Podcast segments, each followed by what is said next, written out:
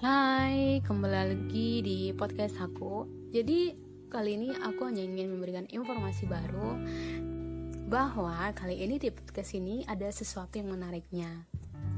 Jadi yang menariknya di sini aku akan share di podcast ini sebuah cerita bisa dibilang sebuah novel.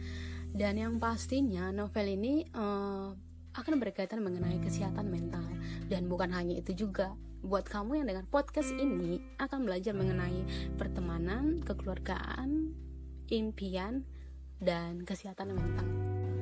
Seru kan? Dan pastinya teman-teman bisa belajar melalui podcast ini. Aku kasih deh bocorannya.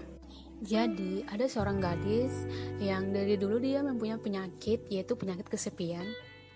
Ya, pokoknya lebih dari situ sih penyakitnya.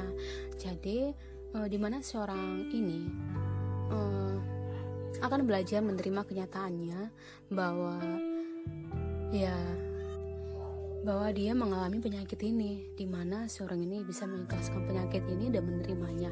Dan bukan hanya itu juga tadinya. Intinya banyak dan pastinya menarik. Oke okay, hanya itu yang bisa aku sampaikan. Informasi barunya. Jadi buat kamu yang sekarang menantikan ceritanya selalu standby di podcast aku. Oke, hanya itu yang bisa saya sampaikan. Terima kasih ya yang sudah mendengar.